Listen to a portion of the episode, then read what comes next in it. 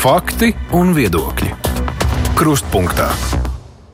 Aizsmeļamies Tamsānas studijā. Vajag vai nevajag striktāku regulējumu Latvijā, kā mēs izturamies pret dzīvniekiem? Šis jautājums pēdējās nedēļās ir kļuvis aktuāls vācot parakstus par cietumsodu piemērošanu tiem, kas ir spīdzinājuši vai nogalinājuši savus mājdzīvniekus. Viedokļi ir bijuši dažādi, jo arī šobrīd sodi ir ir iespējami itin bārgi, un daļa domā, ka jautājums drīzāk ir par to piemērošanu. Bet nu, ir raisījušās diskusijas dažādos virzienos. Vai nevajag pārskatīt, piemēram, labturības prasības, tas, kā Kaut kā mēs ļaujam suņus turēt pie ķēdes, vai un ko tad vajag pārskatīt, runājot par noteikumiem, likuma prasībām Latvijā un vispār ko tad darīt, lai izskaustu cietsirdīgu izturēšanos pret dzīvniekiem. Studijā šeit ir raidījuma ķepus sirds veidotāja un žurnālists Ines Kreitsberga. Sveicināti! Sveicināti! Tieslietu ministrijas krimināla tiesību departamenta direktora Indra Aizupe. Labdien! Zemkopības ministrijas veterinārās pārtiks departamenta dzīvnieku tirdzniecības, labturības un barības nodaļas vadītāja vietnieks Dzirts Stenders. Labdien. Un Latvijas veterinārā ārstu biedrības priekšsēdētājs Ilmārs Dūrīts. Sveicināti! Nu, vispār ir, ka brīdņiem uzrodas tās nu, ziņas par kādiem pārdarījumiem dzīvniekiem, kas sašūmo sabiedrību. Kur ir tā problēma? Ines, no jūsu skatu punkta. Problēma ir tāda, ka īstenībā Latvijā ir ļoti daudz suņu. Es ar citu gatavoties šim rādījumam, es noskaidroju, cik Latvijā ir suņu. Tad būtu interesanti, vai diskusijas dalībniekiem arī būtu versijas. Aidi, cik Man ir suns, būt? bet cik kopumā nezinu. Latvijā šobrīd ir apmēram 200 tūkstoši suņu tas, kas ir reģistrēti. Nu, ja pieņemam, ka arī nereģistrēti ir daudz, nu, plus mīnus, ņemam vērā, tas cipars ir liels. Mm -hmm. Manā izpratnē tas ir ļoti, ļoti liels cipars, uh, bet mana pieredze strādājot 13 gadus veidojot raidījumu ķepu uz sirds liecina par to, ka ļoti daudz cilvēku neapzinās, ko nozīmē suns. Tad tā problēma ka mums ir pārāk daudz suņu. Uh, pārāk daudz bezatbildīgu saimnieku. saimnieku. Nu, jā, jā, bet... tas, tas, ko mēs īstenībā mēģinam pilināt jau raidījumos, kas varbūt nav laba praksa raidījumam ķepus sirds, bet mēs sakām tā, ja, jums, ja jūs savu dzīvi varat iedomāties šajā brīdī bez dzīvnieka, bez suņa, jums suni nevajag. Tas, ka jums ir māja, jums ir laukos kāds īpašums, tas nenozīmē, ka jums vajag suni.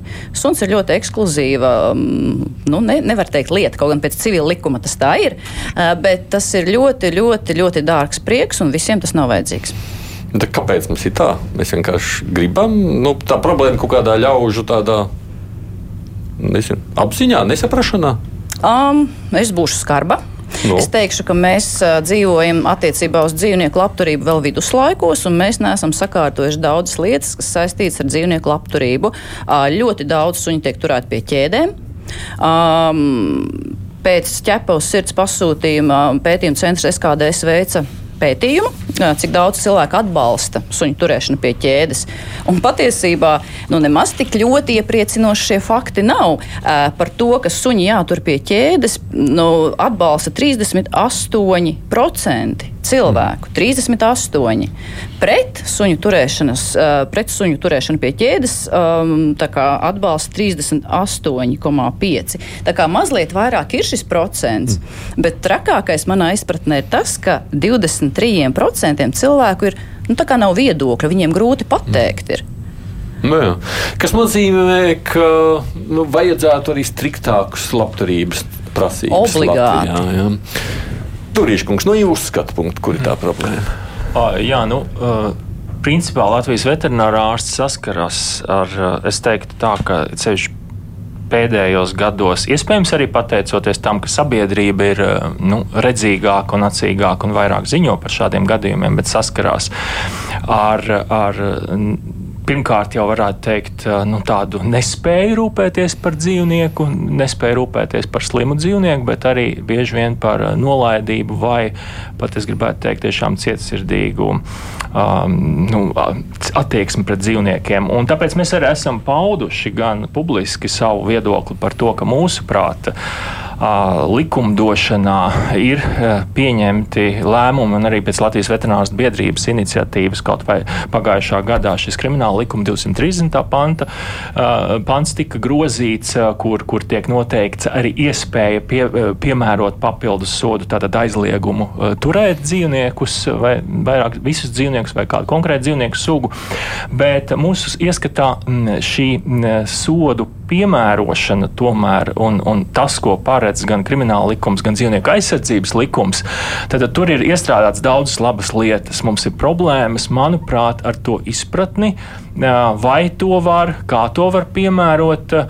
Un, protams, arī es pie, gribētu teikt, ka sabiedrība joprojām ir diezgan toleranta pret um, nežēlīgu attieksmi pret dzīvniekiem un vispār pret dzīvību.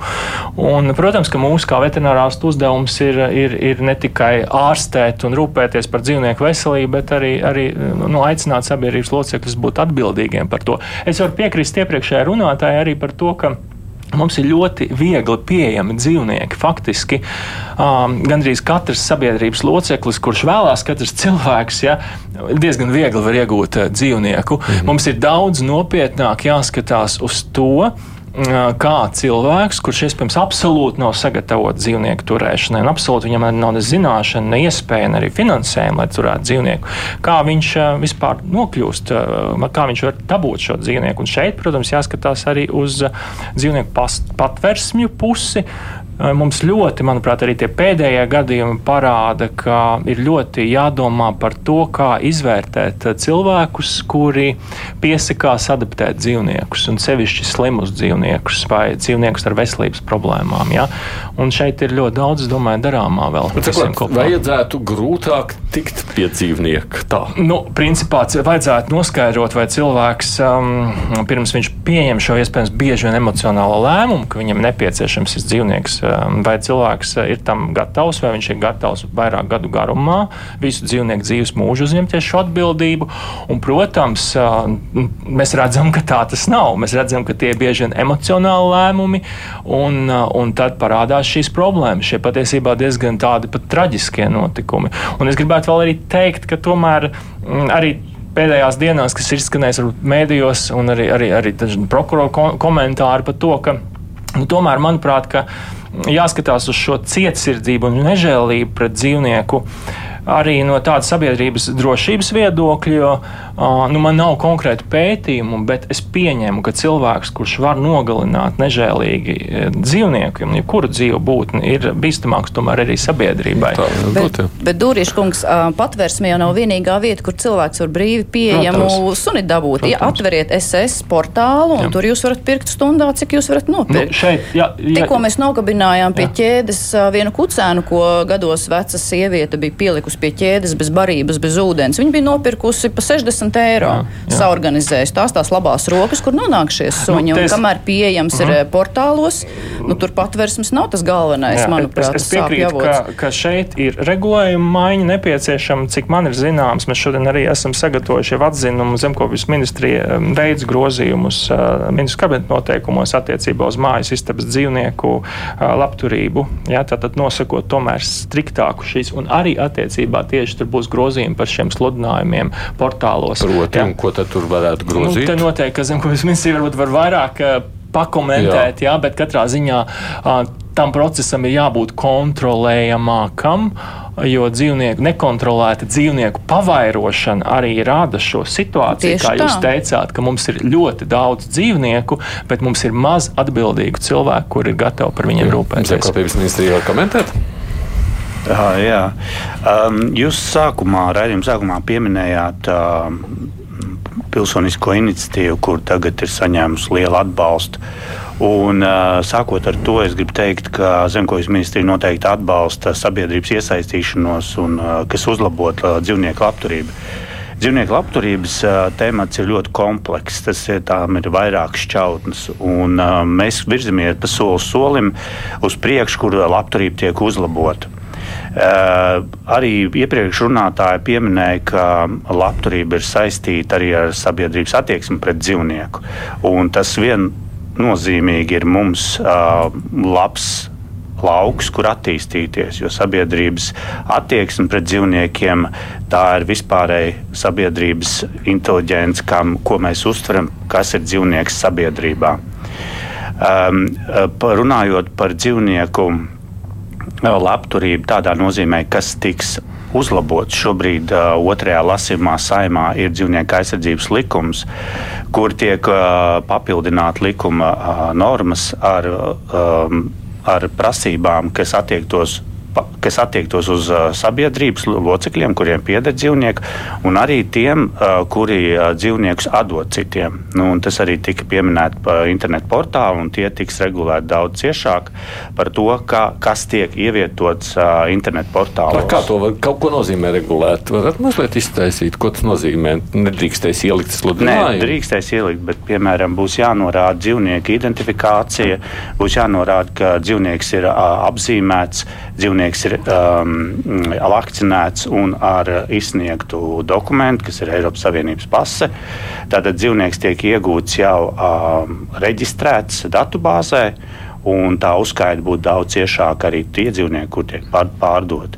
Jo šobrīd jā, tā ir prece, tā ir lieta, ko mēs iegādājamies, un sabiedrībai tā ir brīvi pieejama. Nu, Īsāk sakot, krāns nevarēs uzdot par uh, šķirnes suni pēc jaunajiem noteikumiem. Nu, tas jau tā, nu krāns arī kā krāns var pārdot. Jā, bet tad tev jāraksta, ka tas ir krāns. krāns. Bet, bet, bet arī atsevināšanas vecums, ja prasīja pārdošanas jā. vecums, tur tiek ierobežots, jo, piemēram, nereti tiešām ļoti mazi dzīvnieki bez mātēm tiek pārdoti, ja mazi kaķēni vai mazi kucēni, kur patiesībā vēl nav spējīgi patstāvīgi dzīvot. Tā kā tas tiks regulēts un skatīts. Tā kā mēs katrā ziņā pozitīvi vērtējam šo zemkomisijas ministrijas iniciatīvu un vispār vēlmi sakārtot sakārtot šo mīļdzīvnieku nu, mm, turēšanu Latvijā.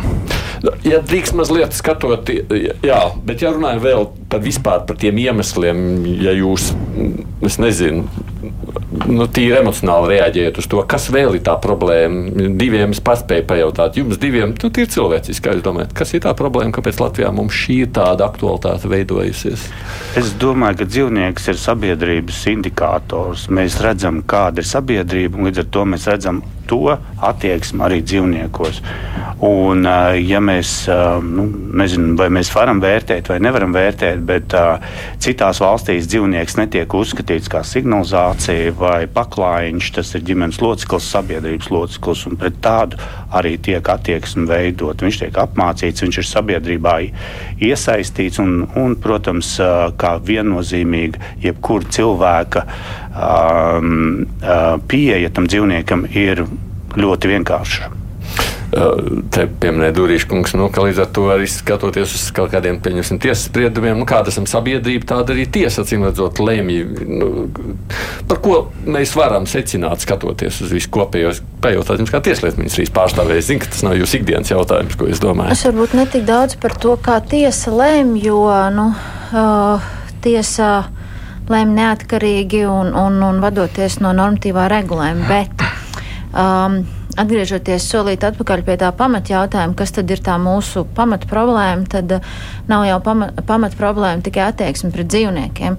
Tā vardarbības tolerants sabiedrībā ir ārkārtīgi augstā līmenī. Nu, tie paši nesenie jēkapils gadījumi, um, vardarbība pusauģu vidū, vardarbība pieaugušie pret nepilngadīgiem. Uh, mēs varam skatīties faktiski jebkurā um, tādā sabiedrības attiecību segmentā tā vardarbības uh, izplatība, neiecietība ir aug, ārkārtīgi augstā līmenī.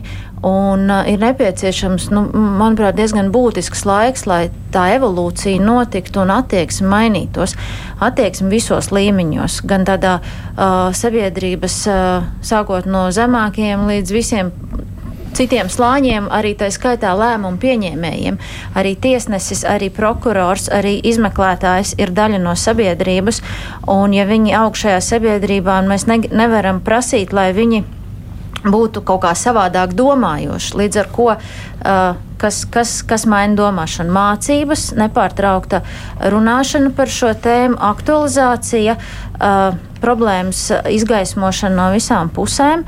Un ir jāpaiet laikam, lai tas lēnu garu mainītos.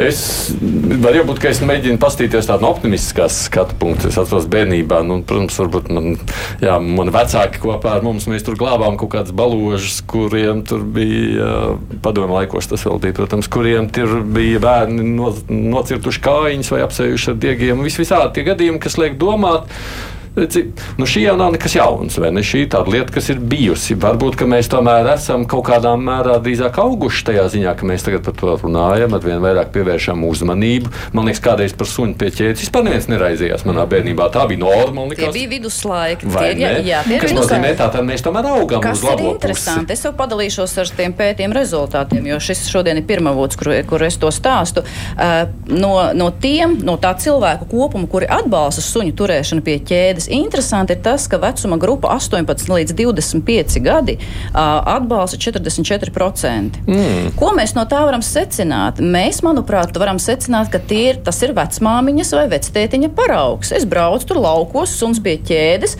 un man liekas, ka tas ir normāli. Un tas ir šis piemērs, kad cilvēks, jaunietis, viņam liekas, ka suni turēt pie ķēdes ir ok, jo viņš redz to piemēru. Nu, no tā, man liekas, ir jātiek vaļā.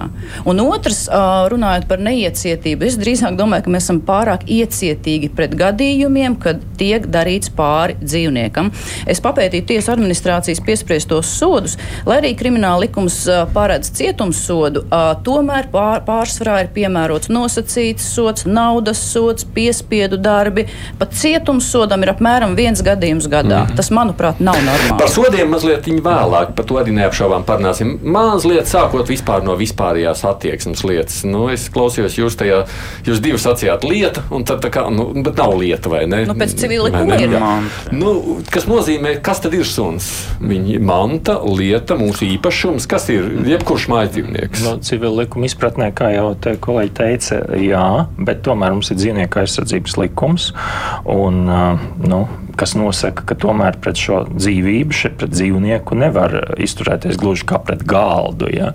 Vēl jau vairāk tad, kad mēs redzam, ka šis dzīvnieks tiek pārkāpts, klāja tiek pārkāpts šis likums, dzīvnieku aizsardzības likums un dzīvnieku teiksim, labturības jautājumi, tad mēs to varam konfiscēt, varam atsevināt, varam rīkoties. Manta, ja? pret kuru vajag izturēties ar piesardzību, kaut kā tā. Nu, es teiktu, ka ka gluži nu, juridiski jā, tas termins tiek lietots, bet patiesībā dzīvnieku aizsardzības likums pasaka, ka tā ir dzīva būtne, pret kuru ir attiecīgi jāieš, jāizturās. Mhm. Man liekas, ka šeit mums nevajag maldināt sabiedrību, ka tā ir lieta. Mhm. Tas nav, kā, jā, kā tu teici, galds vai mhm. kaut kas skapis. Tā ir dzīva būtne, līdz ar to tās prasības ir atbilstošas. Tā likums, civillikums ir novecojis, ka mēs. Uh, nu, civillikums ir 3,8 vai 3,7. Nu, ja drīkst papildināt, ir labi piemēri. Mēs esam paši pētījuši, kā ķepus ir Šveices piemēru. Tur ir dzīvnieku advokāts. Jā, viņš, viņš ir veltījis šim jautājumam gandrīz visu mūžu. Tā kā varbūt šeit nākotnē advokātiem 90 gados piedzīvot mm. kaut ko līdzīgu. Viņam tas prasīja apmēram 20 gadus, lai sakārtotu uh, juridiski to, ka uh, dzīvnieks no lietas statusa kļūst par dzīves būtnes statusu. Un tas maina konceptu tiesā, jo tad var pārstāvēt šo dzīvnieku tiesā kā mm. dzīvu būtni.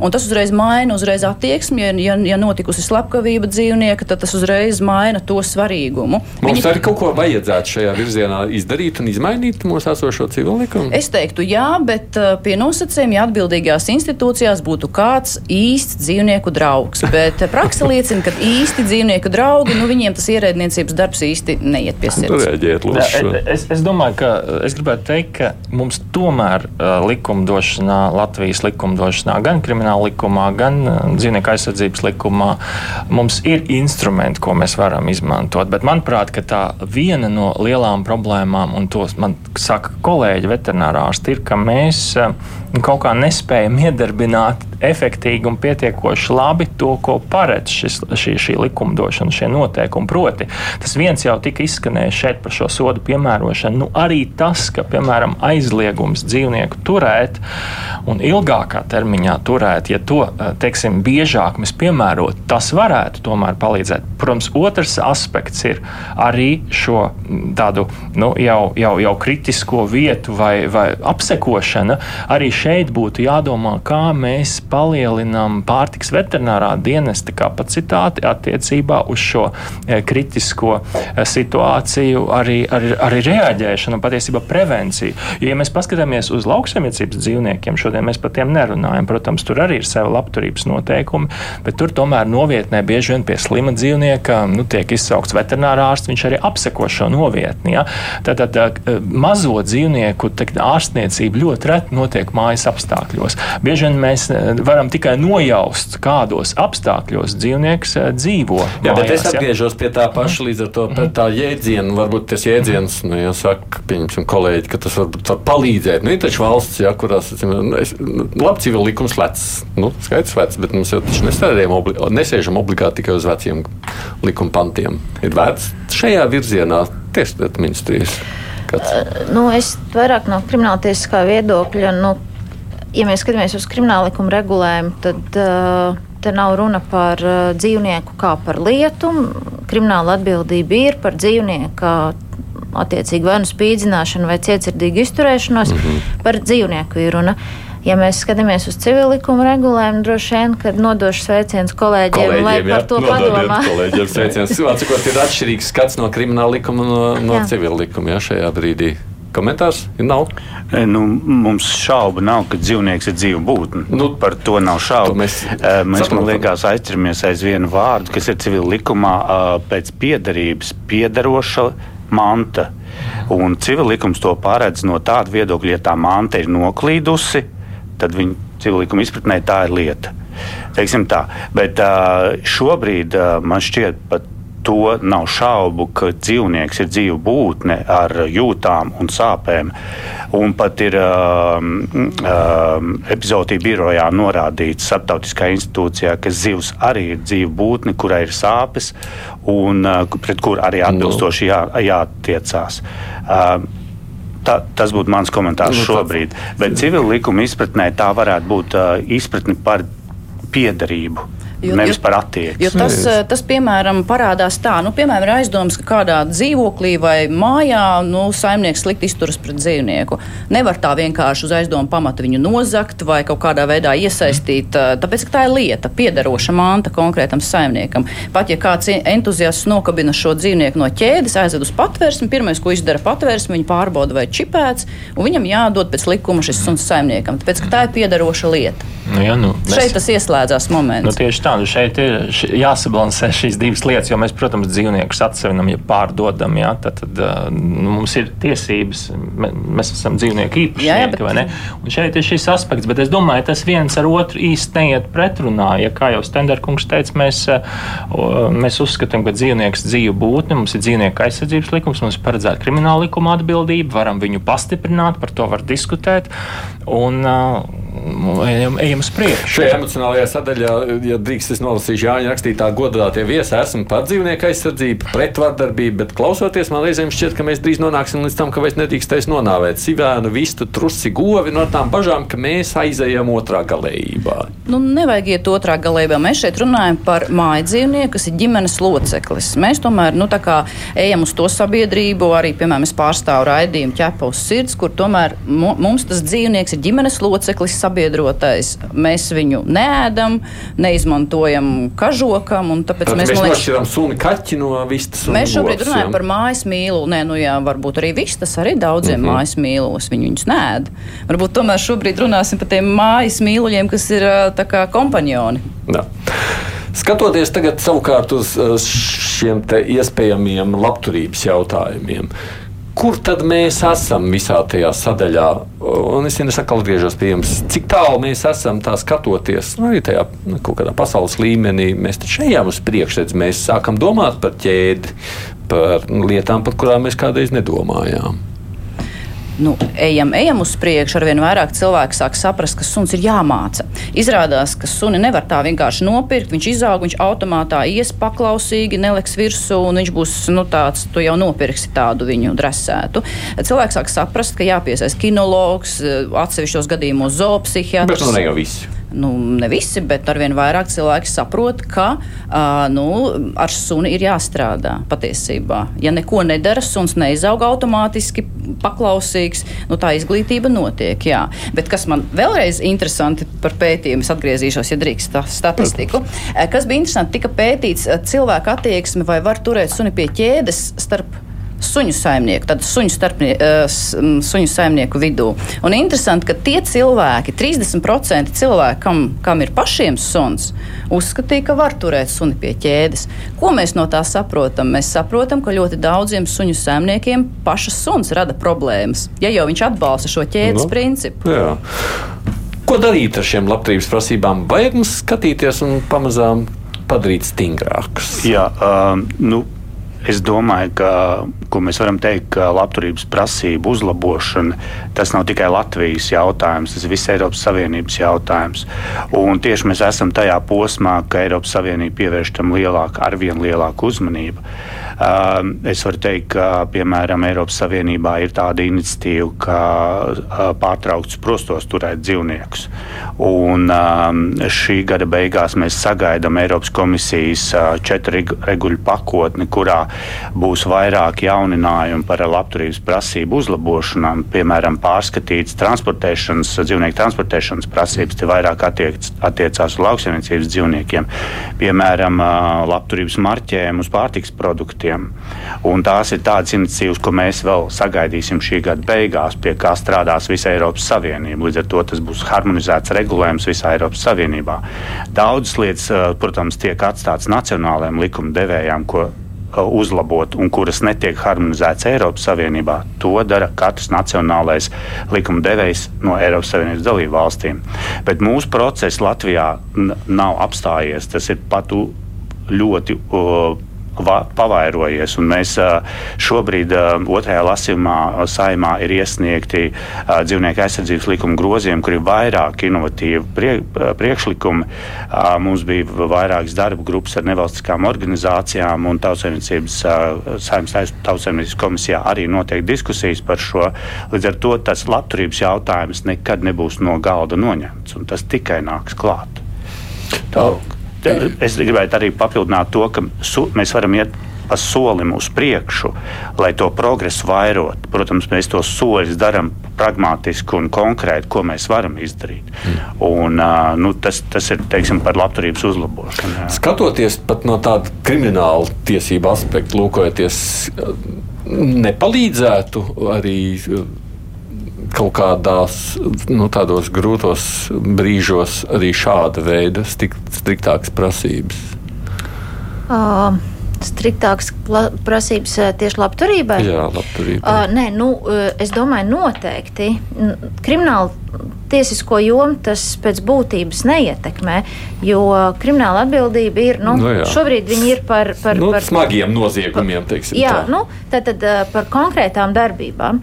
Un, uh, Jautājums ir tāds, piemēram, ja, ja atbildība ir par cietsirdību vai par uh, spīdzināšanu, tad uh, ir pilnīgi, nu, jābūt pilnīgi skaidram, ko mēs ar kā, kādas darbības tieši paiedzam.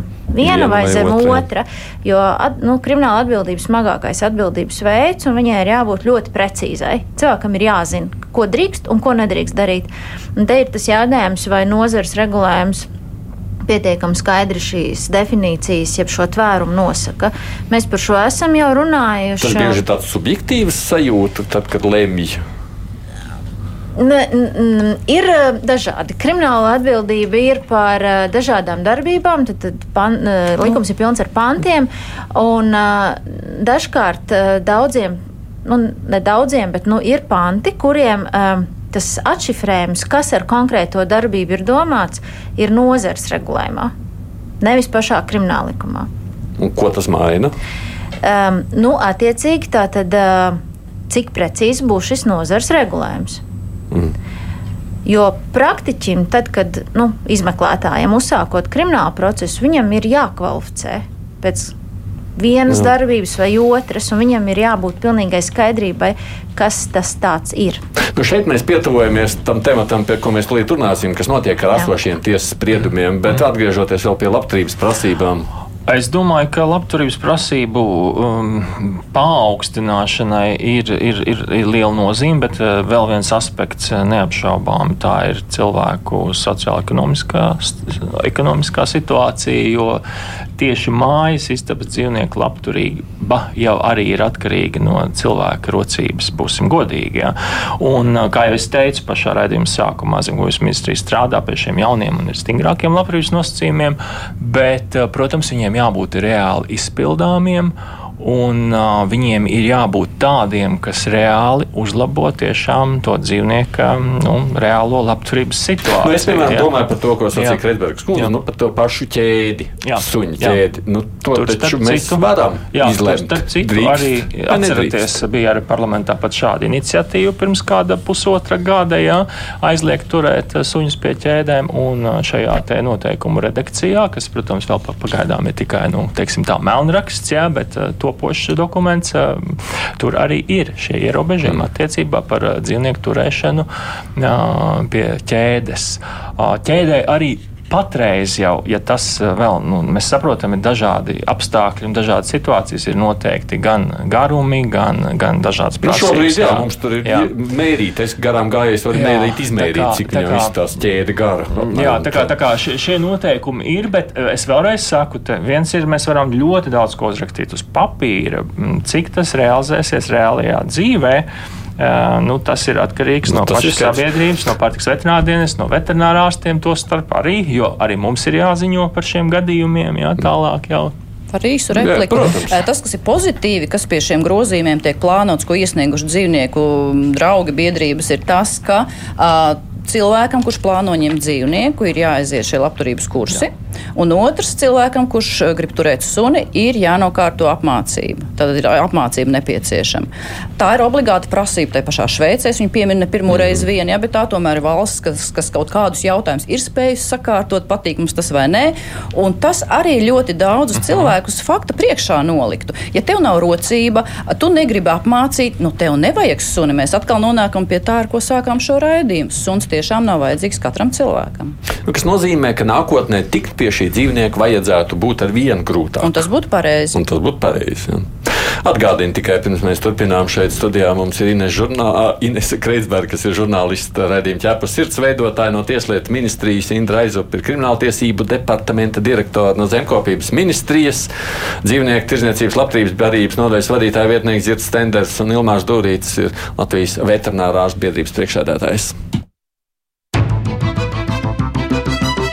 Raidījums Krustpunktā. Nu, tas ir jūs pieminētais. Nu, viena lieta ir noteikumi, ja likumi, un otra lieta to spēja piemērot. Tad mēs arī nonākam līdz tiem pašiem jautājumiem par tiesas lēmumiem. Jūs bijat tā, kas reaģējāt tajā brīdī, kad mēs sākām runāt par tiesas spriedumiem, sakot pārāk mīksti. Jā, viņi absolūti nav motivējoši ļaundariem uh, neatkārtot šo, šo noziegumu atkal. Un mēs varam runāt par to, ka redz, kāds tas cilvēks izrādījās vai nē, bet es uh, nevienam slepkavam varmākam nav divi ragi un aste. Viņiem nav rakstīts, ka viņi ir dzīvnieku varmākas. Jā? Tas, kas pēc tam izrādās ļoti daudziem ir šokējoši, kā no tāda cilvēka to negaidīja. Bet esošie um, soda veidi, viņi absolūti neapstādina šos cilvēkus to darīt atkal un atkal. Cietumā jāliek vairāk, biežāk? Kā? Es teiktu, jā cietumsots varētu motivēt cilvēku atturēties, atturēties vispār grābstīties ap šo dzīvnieku. Tā doma ir tāda, ka mēs negribētu, ka šie cilvēki, kas nemīl dzīvniekus, ka viņi turētu šos dzīvniekus. Tas ir viens. Viņiem vajadzētu turēties pēc iespējas tālāk no šī dzīvnieka, un tas sots, tas bargais sots, varētu viņu atturēt. Nu, kuram tad tur gribās, ai, būs tur policija vēl, nu, atturēšos. Nu, te mēs arī par piemērošanu mazliet varētu atgriezties, ja laiks mums ļaus, bet skatoties. Un arī aizliegums turēt dzīvnieku. Nu, jā, noteikti. Bet skatoties uz visu to kopējos, mēs redzam, ka sabiedrības šie vāktie paraksti rāda, ka nu, ļoti liela sabiedrības daļa uzskata, nav kārtībā. Nav kaut kas kārtībā ar esošiem likumiem. Mums viņus vajag dabūt bargākus un stingrākus. Tā ir mūsu nelaime, ka mums pie katras problēmas šķiet, ka likums ir vainīgs. Bet uh, atveram 230. pāntu. Pirmā daļa - trīs gadu brīvības atņemšana, otrā daļa - pieci gadu brīvības atņemšana. Uh, manuprāt, gana daudz Mēs kādu mirkli atpakaļ runājām par vajāšanu un draudiem. Un tur šie sodi bija zemāki. Šobrīd arī uh, cilvēku spīdzināšanas pantam uh, sots ir zemāks. Mēs nevaram apgalvot, ka uh, šādi sodi ir likumā paredzētie ir maz. Cits stāsts, kas tiek praksē piemērots. Bet apgalvot, ka praksē piemērotie sodi ir par maz, tad ir jālasa spriedums, tad ir jālasa motivācija un jāsaprot, kā tiesa ir motivējusi, kāpēc piemērojas tieši tādu sodu un kas ir tie lietas apstākļi. Eh, es eh, šobrīd eh, noteikti nevarētu tā nelasot un nepētot, apgalvot, ka sots ir piemērots par maz.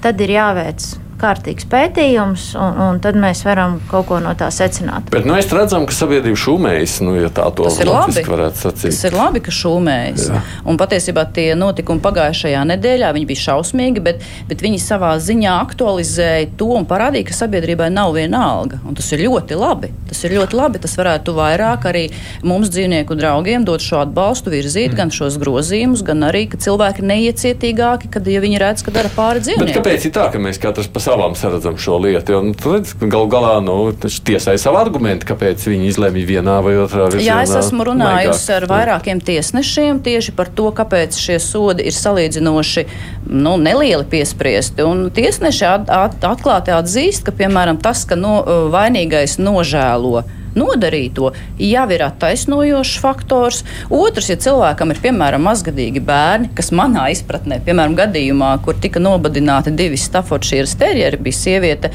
Viņa uz tiesu ieradās 4. Grūtn, ar ar grūtniecību, viņai bija jau plānota ar 4. bērnu. Protams, ka tas bija ļoti, mm, kā saka, nu, tāds attaisnojošs faktors, bet to, ka cilvēks, kas ir nobadinājis divus suņus, ir ok, ka viņš dzīvo kopā ar četriem bērniem un viņi nerada nekādus draudus bērniem, tas vispār jautājums netiek apspriests.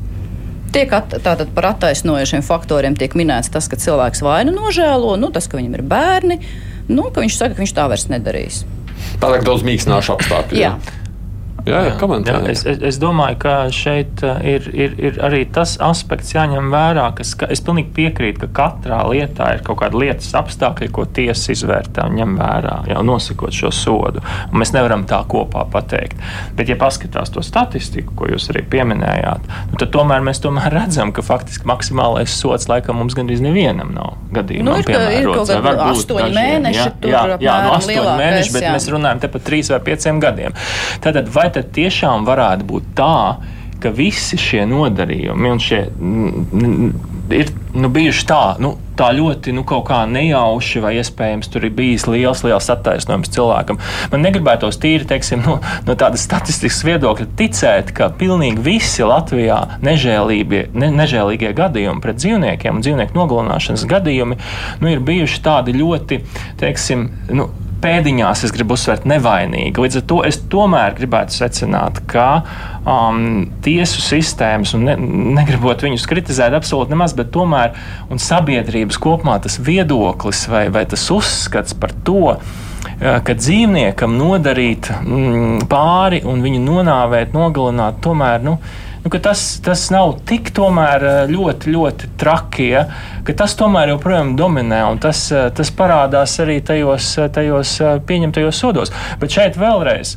Vēlreiz, manuprāt, un, un te varbūt vajadz- vajadzētu komentāru no psihologiem, bet manuprāt, cilvēks, kurš ir gatavs nodarīt tīši sāpes jebkuram dzīv, dzīv, dzīvībai un dzīvniekam un nogalināt viņu, tad potenciāls varmāk ir arī attiecībā uz, uz, uz citiem un pat uz sabiedrības locekļiem. Jo varmācība kā tāda ir varmācība. Vienalga, vai mēs viņu realizējam, nu nav vienalga, bet, bet jebkurā gadījumā, pret ko mēs viņu realizējam. Ja? Vai Tieslietu ministrija kaut kādā mērā analizē, nu, tādā ziņā, nu, skatoties, jebkuras likumdošanas, jeb likuma izmaiņas, nu, skatoties, nu, kāpēc viens vai otrs esošais likums. Nu, Nu, jā, netiek īsti piemērots. Nu, Es saprotu, ka 3-5 gadi jau nekad netiek nevienam piespriest. Ne?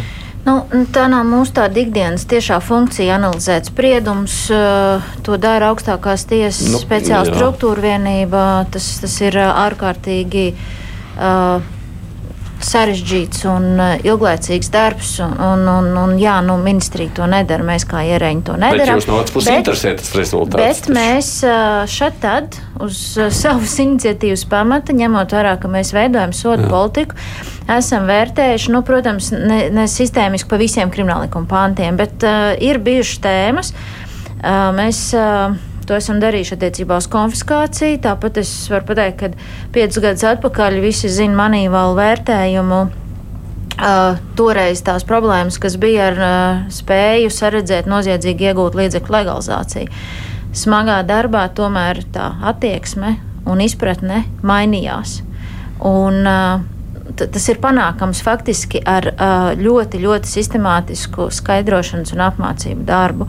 Jo es piekrītu Ilmāram, mēs atgriežamies sākuma punktā. Sabiedrībai kopumā ir attieksme uh, tolerējoša attieksme pret vārdarbības izpausmēm, ne tikai pret dzīvniekiem. Un, uh, es es uh, paturpinu to, to, par to, ka, ja cilvēks vardarbīgi izturās pret savu kāmīti, tas nozīmē potenciāli, ka viņam ir, ir jau deformēta domāšana un uzvedība. Tas, ko mēs šobrīd uh, virzam, mums ir likuma projekts pirms uh, iesniegšanas ministra kabinetā. Mēs krimināla likumā uh, piedāvāsim atteikties no tā saucamās nosacītās notiesāšanas un tā vietā paredzēt jaunu soda veidu visiem - probācijas uzraudzību. Šobrīd viņi var piemērot tikai bērniem un tikai pieaugšiem par dažiem pantiem. Mūsu doma ir, ka probācijas uzraudzībai kā pamatsodam ir jābūt uh, starp brīvības atņemšanu un starp sabiedrisko darbu. Jo brīvības atņemšana ir nu, tad, kad cilvēks jau ir jāizolē, sabiedriskais darbs. Tur nav darbs ar personas domāšanu. Un iztrūka šis vidusposms, kur patiešām ir tā, nu, tāda uh, intensīva Mm, sapratu. es tikai vienu vēl piebildu gribēju teikt, un šeit tiešām es pilnīgi varu piekrist, ka tas ir saprotams, ka iespējams saskaroties ar vairāk šādiem gadījumiem, arī tiesību sargājušiem iestādēm, darbiniekiem bieži vien pietrūkst varbūt izpratnes un informācijas ja, par to, kā tad vispār notiek reāli šis vardarbības process. Ko, ko iespējams šis, šis dzīvnieks var just, kā tas vispār, nu, kā tas reāli notiek, kas tas vispār ir. Un šeit arī Latvijas veterinārs biedrība principā ir gatava. Mēs varam arī sadarbojoties, eh, ja ir nepieciešams, arī nodrošināt. Mums ir daudz speciālistu, mums ir dzīvnieku labturības speciālisti. Mēs varam nodrošināt arī kādas apmācības, kādus kursus, iespējams, arī policija var, jo, jo cilvēki noteikti iet uz vietām un skatās eh, un, un inspicē. Un, un, jo tā izpratne, es pilnīgi jums piekrītu, ka mums jāvē, nu, jāpalielina kopumā sabiedrībā, bet īpaši jau tiem cilvēkiem, kas uzrauga, kas uzrauga šo. Um, tā kā, tā kā mēs esam arī gatavi iesaistīties un palīdzēt, kā to esam darījuši līdz šim. Mums tā nāk diezgan daudz vēstuļu, un es palasīšu, es skatos arī pāris profesori uzrakstījuši, vienkārši nolasīšu Uldi Ķini. Nu, to, es domāju, Tieslietu ministrijas droši zina, kas, kurš uh, raksta mums. Es esmu nostrādājis ar krimināllietām 25 gadus, un sots, kādu piemēro tiesa par konkrētu nodarījumu, vienmēr ir saistīts, lai tas būtu samērīgs. Mhm. Personas atzīšana par vainīgu par noziedzīgu nodarījumu izdarīšanu jau pat par sevi ir valsts vārdā noteikta stigma par nodarījumu. Un tāpēc nedrīkst uzskatīt, ka, ka arī piespiedu darbi vai naudas sots, nemaz nerunājot par nosacītu notiesāšanu, ir krimināls sots, kas ir piespriests par tīšu nodarījumu, kas savukārt personai var radīt arī negatīvas sekas vai ierobežojumus nākotnē. Un soda padzīve nekad nav mazinājusi noziedzību. Nu, lūk, tāds skats no cilvēka, kurš. Nu, jā, tas tāds spoguļs, nu, kā saka, sabiedrības spogulis. Un mēs bieži esam retorikā dzirdējuši to momentu. Tas jau ir tikai dzīvnieks. Un pasarg Dievs, ka es kā žurnālisti prasu prokuroriem vai tiesnešiem par, š, par šiem bargiem sodiem, kāpēc es atļaujos salīdzināt uh, dzīvnieku ar cilvēku? Bet šeit mēs runājam par šo dzīvību. Tātad mēs automātiski jau parādām, ka dzīvnieka nu, dzīvība ir zemāka. Bet tas, kas ja? saka profesors, nu arī naudas sots ir sots. Un tā jau ir stigma. Kā kuram? Acīm redzot, tiem, kam tiek piespriesti šie sodi, viņus īsti neattur no tā nozieguma. Jā. Viņam nav tā nauda. Kā viņam tur bija brīdinājums? Nē, nu, jums ir jāsaprot no tādas kriminoloģijas viedokļa, tad, kad cilvēks izdara noziegumu, viņš nekad neieskatās krimināla likumā, cik par to ir paredzēta brīvības atņemšana. Tas, tas, tas, cik tomēr. jūs ierakstīsiet krimināla likumā uz papīra, nekad nebūs motivējošs, atturošs mm. līdzeklis tam, kas patiešām ir gatavs izdarīt noziegumu. Nu, tomēr mēs runājam, manuprāt, arī par prevenciju at, un attiecībā uz sodu bardzību. Ja? Nu, tomēr tam ir kaut kāda noteikta nozīme arī uz to atturēšanas momentu. Vismaz tā es esmu dzirdējis. Nu, ja mēs zinām, ka pieņemsim, tur kaimiņš vai kāds ir atkal kārtējis ziņojums ielikt cietumā par to, ka lūk, viņš kaut ko ir nodarījis pāri, nu, tas taču varbūt nu, liktu man domāt, ko es daru. E, nu, tie, tie, kas ir tie uz robežas. Jā, protams, krimināla atbildībā ir šī prevencija, šis mērķis novērst. Bet tad, kad mēs runājam par to, ja jau mums ir par to kriminālu atbildību, vai mums tur ir sots tik vai tik, tas nekādā veidā neatur to, kas ir gatavs to darīt. Nu, Un liegums pēc tam turēt šos dzīvniekus, es domāju, tas vēl nav izmantots instruments. Jā, jo mēs redzam arī pēdējos gadījumos, par kuriem mēs arī sniedzam komentārus, tur trīs mēneši vai pusgadu aizliegts turēt eh, nu, dzīvnieku. Jā. Nu, cilvēks, eh, principā šāds cilvēks, eh, nu, viņam nevajadzētu. Viņam Vispār nevajadzētu ļaut. Bet to, to nav, nevar viegli apiet. Nu, tu to dzīvnieku, nezinu, paņems. Īpašnieks būs sieva, bērns, vecāki. Ļoti precīzi gājiens. Šo problēmu ir lieliski atrisinājusi Lielbritānija, kuriem ir tā tad viņiem municipalitātes atbild par šo dzīvnieku labturību, un tieši viņi ļoti kontrolē to, kā tiek ievērots aizliegums turēt dzīvnieku. Un tur viņi, no, kā saka, jau saknē norok to, ka tu vari uz vīru vai sievu mm. noreģistrēt. Visa maisaimniecība faktiski. Jā, tur viņi pārbauda. Zaudē, ja? Tur tātad pašvaldībai mm. ir tiesības iekļūt īpašumos un pārliecināties par dzīvnieku drošību, veselību. Tas ir tas, kas nav sakārtots mums pagaidām. Mm. Ilma Čepāna savukārt raksta mums šādi: civilizētās valstīs tiesību zinātnē ļoti strauji attīstās dzīvnieku tiesības. Piemēram, Vācijas civil likumā ir teikts, ka dzīvnieki nav lietas. Tieši Jā. tā uzsvērts. Līdz ar to tos aizsargā arī īpaši likuma aizsardzība. Pie mums tomēr ir vainīga ir tieši piemērošana krimināla likumā. Tā arī Čepāns kundze domā. Jā, jā, es eh, tieši tā eh, pilnīgi piekrītu, jo tieši pēc uh, veterinārā ārstu biedrības um, priešlikumu šķiet 21. gadā. Arī darba grupā, mēs krimināla likuma darba grupā par šo jautājumu diskutējām. Iesākumā mums tas, tas iesākums diskusijai bija par šo aizliegumu turēt, bet uh, ar ekspertiem kopā diskusija izvērsās krietni plašāk un faktiski uh, tur arī atklājās tas, ko minēja policija un prokuratūra, cik viņiem ir ārkārtīgi grūti uh, pareizi kvalificēt, un ļoti bieži viņi izvēlās administratīvo atbildību, tāpēc ka dzīvnieku aizsardzības likuma 4. pantā ir no, uzskaitīts.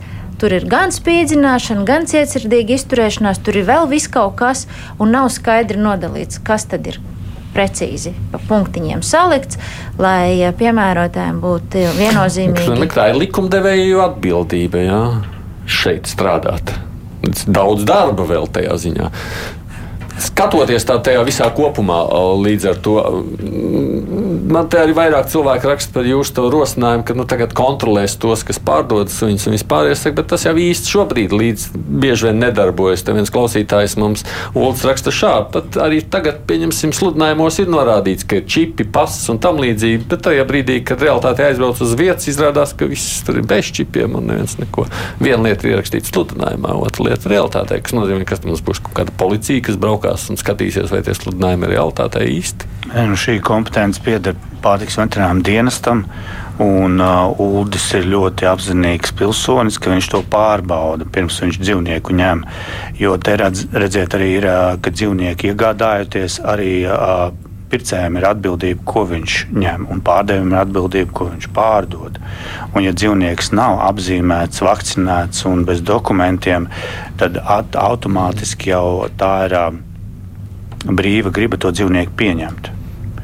Un pašam dzīvnieka īpašniekam būtu atbildība, ka viņš šīs lietas arī pārbauda. To var noteikt likumā. Ja? To, to var uzraudzīt, bet vienmēr būs kādi gadījumi, ka vienkārši dzīvnieki paņem no kaimiņa, no drauga, pat nezinot, vai viņš ir vakcinēts. Nu, bet nevar arī visu pilnīgi uz, atbildību uzvelt uz potenciālā pircēja pleciem. Piemēram, pārtiks veterinārais dienas varētu vienreiz sakārtot tādu lietu kā kontrolu pirkums. Viņi nevar attiecībā uz dzīvniekiem veikt kontrolu pirkumus. Tas nozīmē, ka, ja tiek saņemts signāls par kādu aizdomīgu adresi, viņiem jāzvan un jāsaka, sveicināti, vai jūs savā adresē pārdodat nelegāli kucēnus. Un kā tu brīnumu, vienmēr viss saka, ka nē. Kāpēc viņi nevar veikt kontrolu pirkumu? Viņiem labs jautājums. Nevar, nezinu. Es domāju, ka viens solis, tomēr, ko mēs esam panākuši pēdējos gados, ir šī obligātā suņu apzīmēšana čip, nu, ar šiem mikročipiem. Nu, ja? ir, jā. jo tomēr, tomēr tā izsekojamība ar vienu paliek lielāka arī tad, kad šis kucēns vai suns tiek atvests pie veterināra ārsta. Ja? Nu, tomēr mēs pārbaudām, vai viņš ir reģistrēts vai nav. Līdz ar to es domāju, ka arvien grūtāk un tomēr arvien vieglāk būs izsekot un arvien grūtāk tam cilvēkam, kurš absolūti to visu ignorē, būs arī nu, um, kaut kādā veidā šo dzīvnieku darboties, uh, lūgt viņam teiksim, palīdzību pie veterinārā ārsta un tā tālāk. Jo tomēr jau viņam kaut kur nu, kaut kāda sanāk vērsties arī, arī jā, pēc, nu. pēc, pēc, pēc cerībā, ja viņš jā, vispār interesējās, jā. vai viņam rūp tas viņa dzīvnieks, kas tur ir tiem kontrolpirkumiem. Ka, es domāju, uh, es varu izteikt viedokli, ka iespējams kontrolpirkumi saistīti ar valsts ieņēmumu dienestu ka viņi pārbauda, teiksim, nodokļu nu, nomaksas. Pārtiks veterinārais dienas var taču kafejnīcā kādā pārbaudot kādu kafejnīcu veikt šos kontrolu pirkumus, bet attiecībā uz dzīvnieku labturību viņi nevar veikt. Es um, tieši biju intervijā ar, ar um, vadītāju Balošu kungu. Viņš teica, ka dienas strādājot pie šī jautājuma, lai būtu kontrolu mhm. pirkumi. Iespējami. Tas bija divus gadus atpakaļ. nu, mēģinot tā to visu likt kopā, ko mēs esam tikko pārnājuši. Nu, viens ir skaidrs. Tas ir tāds laika jautājums, kamēr sabiedrības kaut kāda apziņa veidojās, auga, attīstās. Kā mums ar to iet, tur es nezinu. Nu, kaut kādā mērā jau tas ir nu, žurnālists darbs Mēdī par to runā, sociālā tīkla vai ne? Nu, kaut kā viens otru ietekmē, liek pievērst uzmanību. Esošās krimināllietas, kas ir skaļas un līdz ar to par kurām visa sabiedrība runā. Tas droši vien kaut kā mūsu domāšanu maina. Vispārējais ir tāds. Nu, tāds lēnais ceļš, varbūt tā varētu sacīt. Nu, mēs, mēs nonāksim, uz kādam brīdim, ja kad ķēdē suni nedrīkst likt. Mēs tā kā tuvojamies ja, šim posmam. Ātrāk nevar tāpēc, ka mēs neesam izauguši, bet kaut kādā brīdī. Nu, vajadzētu jau beidzot šo lietu ņemt un sakārtot un izkāpt no viduslaikiem mūsu valstī attiecībā uz dzīvnieku labturību. Vai ne? Un kā tam līdzīgas lietas. Kas nozīmē, šādi tādi labturības noteikumi arī mainās, iegādes procesi vai ne, mm. uz iespēju apmācību, kas nozīmē, ka nevarēs par suņu īpašnieku būt pirms tev nav kaut kādas certifikācijas, ja tu parādi, ka tu esi iemācījies nu, ka tev ir kaut kādas zināšanas uh, minimums. Ja, protams, tas viss vēl ir, tas viss vēl ir uh, nu, procesā. Jā. Bet es arī gribētu pie, pie, piebilst un piekrist, un arī to mēs jūtam, ka tomēr sabiedrība nu, iet uz priekšu šajā jautājumā. Un es gribētu teikt, arī tādā pozitīvā tā attieksme pret dzīvniekiem mainās, un arī tas, ko sabiedrības locekļi prasa no mums, no veterināristiem, attiecībā uz palīdzību dzīvniekiem, jā, tās prasības pieaug, un mēs to vērtējam ļoti pozitīvi. Bet, protams, šo attīstību gribētos ātrāk un gribētos, ka mēs eh, nu, visi, visi teiksim, arī, arī tiesību sargājušās iestādes nu, un, un tie, kas lemj šos, eh, šos, šos likumus, un arī tie, kas piemēro šos likumus, nu, to izprot un, un saprot, ka tas ir ļoti svarīgi visai sabiedrībai nu, kopumā. Nu, kas nozīmē, ka kaut kādā brīdī tas ietekmē arī policistus un tiesnešus viņu kaut kādā spriešanā vai domāšanā, Jā. tad, kad notiek viens vai otrs pārējais process. Neko jau citādi, kā mēs nu, pātrināt to procesu nevaram. Ne? Neko vairāk izdarīt nevaram. Es Man tāda, piedodiet, replika tagad ir subjektīva. Nu, var jau atļauties, vai ne katrs no savas stāsta. Man ir suns, ar kuru es eju staigāt ikdienā. Nu, jā. Man neviens apmācība neprasīja, vai ne? Mēs ļoti ilgi izsvērām ģimeni, kamēr mēs nu, izlēmām savu suni Nu, jā, ģimenes locekli, protams, tādā ziņā es tā domāju, pilnīgi noteikti ņemt. Un mēs ejam staigāt. Es esmu iemācījies, ka viņš ka es varu viņam, nu, es gan nedzīvoju arī pilsētā taisnība, ka viņš man nāk līdzās arī bez pavadas. Un tur ir viens suns, kurš reizēm tiek piesiets pie ķēdes. Un mans suns, kad pieiet un ierauga, ka viņš pie ķēdes, viņš smilkst. Tas ir interesanti. Uz pāriem suņiem nē, bet ja viņš ierauga, ka kāds pie ķēdes smilkst, es reizēm domāju, viņš laikam arī saprot. Protams.